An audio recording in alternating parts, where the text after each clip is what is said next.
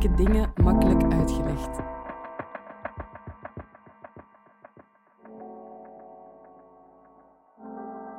Dit is de podcast van Moeilijke Dingen Makkelijk Uitgelegd.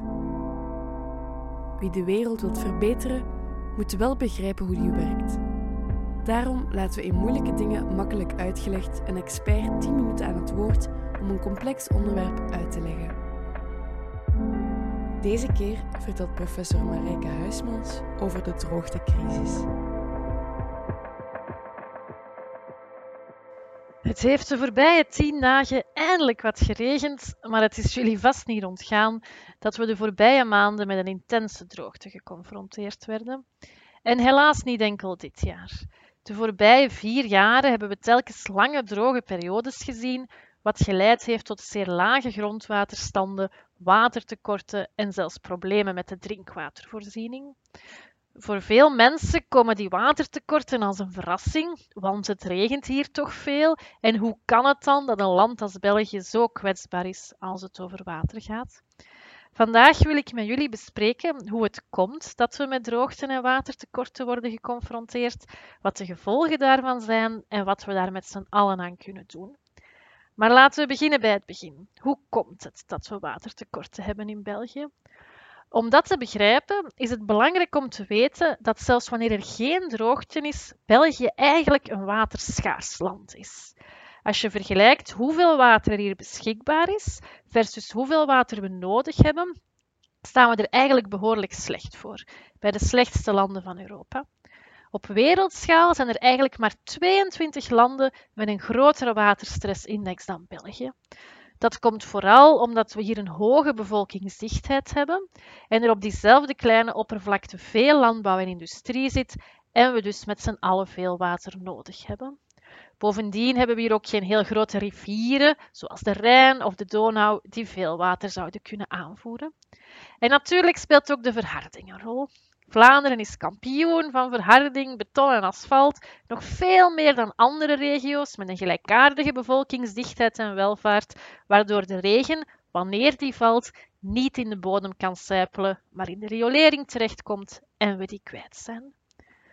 Bovenop die krappe situatie qua waterbeschikbaarheid, die we dus sowieso al hebben, zien we de laatste jaren bovendien dat we geconfronteerd worden met lange periodes van droogte. Dat is geen toeval. Wetenschappers voorspellen al lang dat de klimaatverandering bij ons gaat leiden tot vakere, langere en intensere periodes van droogte. En dat heeft helaas heel wat gevolgen.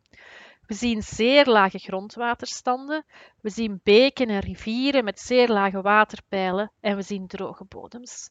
De eerste slachtoffers daarvan zijn de natuur en de landbouw.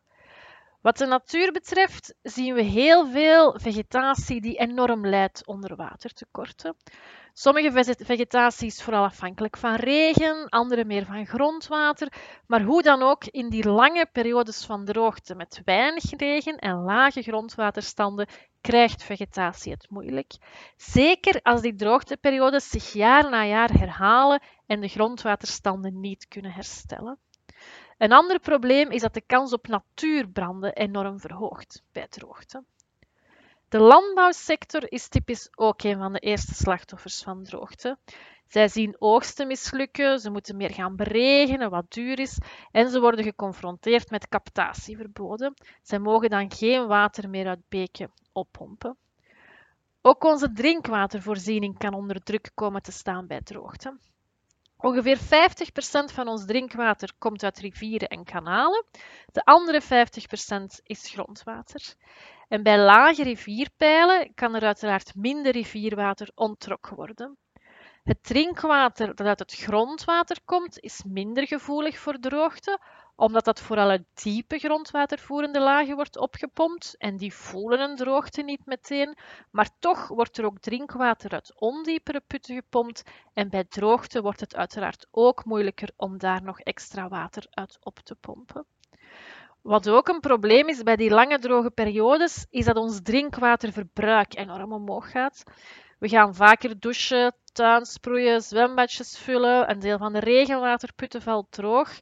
En dat zorgt soms tot meer dan de helft meer verbruik van drinkwater, wat natuurlijk een enorme uitdaging is voor die drinkwaterbedrijven. De droogte zorgt dus voor heel wat problemen. Dat is duidelijk. Maar wat kunnen we daar nu aan doen? Kunnen we daar zelf een rol in spelen of ligt die verantwoordelijkheid toch vooral bij industrie, landbouw en politiek? Mensen vragen zich vaak af of het wel zin heeft dat ze spaarzaam met water omgaan, terwijl landbouw en industrie zoveel water gebruiken, terwijl er lekken zijn in de waterleidingen, terwijl er zoveel water verspild wordt. Maar toch, gezinnen zijn verantwoordelijk voor een groot deel van het waterverbruik in Vlaanderen. Als je naar het grondwater kijkt bijvoorbeeld, dient meer dan de helft van het grondwater dat opgepompt wordt voor drinkwater en nemen industrie en landbouw elk minder dan een kwart van het opgepompte volume voor hun rekening. Als je kijkt naar het rivierwater, is het aandeel van industrie dan weer groter. Maar algemeen kan je zeggen dat zowel de gezinnen, de landbouw als de industrie grote verbruikers zijn van water en we dus allemaal inspanningen zullen moeten doen. In je eigen huis is het in de eerste plaats verstandig om het hele jaar door zuinig te zijn met water, niet enkel in periodes van droogte. Dat kan je doen door een douche te nemen in plaats van een bad, korter douchen, geen water te verspillen, je gras niet te gaan sproeien met kraantjeswater en dat soort dingen. Maar als je echt structureel minder kraantjeswater wil gebruiken, is het vooral belangrijk om regenwater op te vangen en te hergebruiken. Ongeveer de helft van het water dat we in huis gebruiken kan regenwater zijn. Om de toiletten door te spoelen, voor de wasmachine, voor de tuin, om de auto te wassen. En het is eigenlijk belachelijk dat we voor dat soort toepassingen zo een zuiver en hoogwaardig product gebruiken als kraantjeswater. Ik raad dus iedereen aan om te investeren in een regenwaterput of een regenwaterton. En in periodes dat het echt veel regent en je regenwaterput vol zit, laat je het overtollige regenwater ook best infiltreren en niet in de riolering verdwijnen. Dat kan in een infiltratieput of via een waddy, dat is een soort van depressie in je tuin, waar het water in de bodem kan infiltreren en het grondwater kan voeden. Ook landbouw en industrie kunnen uiteraard nog zuiniger omgaan met ons drinkwater, ons grondwater en rivierwater. Dat kan vooral door nog meer regenwater op te vangen en door gebruikt water of afvalwater te gaan recycleren en hergebruiken. Dus de gezinnen, de landbouw, de industrie kunnen zeker hun steentje bijdragen, maar kunnen niet alles doen. Om het aanbod van water te vergroten en vooral ervoor te zorgen dat er ook tijdens de droogte nog water is voor natuur, voor landbouw, voor industrie en voor de gezinnen, moet het beleid inzetten. Op meer water bufferen, meer water hergebruiken, meer infiltratie en het water beter vasthouden in de ondergrond. Meer infiltratie betekent minder verharding, betekent ontharding en meer investeren in infiltratievoorzieningen. Zo kan het grondwater beter gevoed worden, kunnen de grondwaterpeilen verhogen en kunnen die zich ook beter herstellen na een periode van droogte. Grondwater moet ook beter vastgehouden worden in de ondergrond. Te veel grondwater wordt nu eigenlijk te snel weer afgevoerd door drainagegrachten omdat te natte gronden niet geschikt zijn voor landbouw, vind je overal in Vlaanderen grachten om overtollig grondwater af te voeren. Dat water zijn we dan kwijt en kunnen we niet gebruiken in een droge zomer. Dat kan dus beter door die grachten en sloten te dempen of minder diep te maken.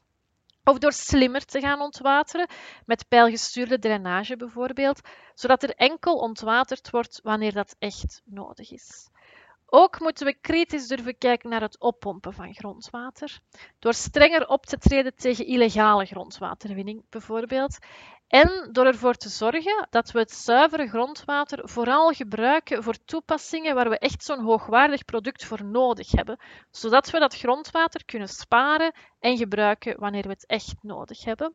Alleen op die manier kan het grondwater de ideale buffer zijn die ervoor zorgt dat er ook in periodes van droogte nog water is voor de natuur, voor de landbouw, voor de industrie en voor de gezinnen.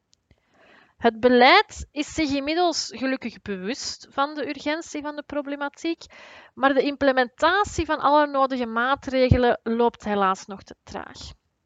Die traagheid komt voor een deel omdat er zoveel verschillende actoren en sectoren betrokken zijn. Water gaat over milieu, landbouw, industrie, scheepvaart, noem maar op.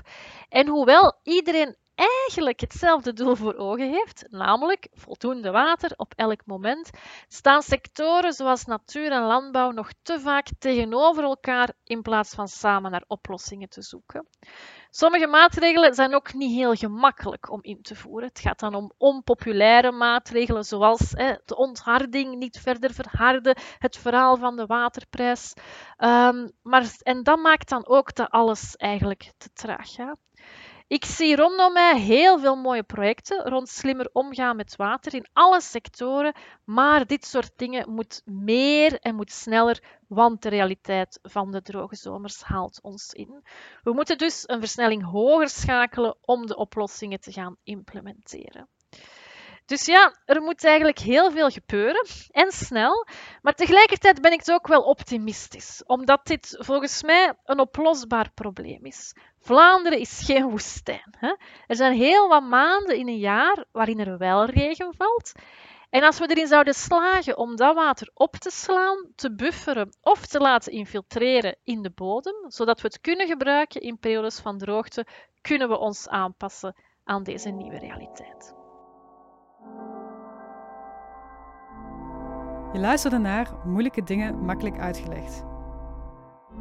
Ik ben Selma Fransen en samen met Curieus VZW en de buren organiseer ik de evenementenreeks Moeilijke Dingen Makkelijk Uitgelegd.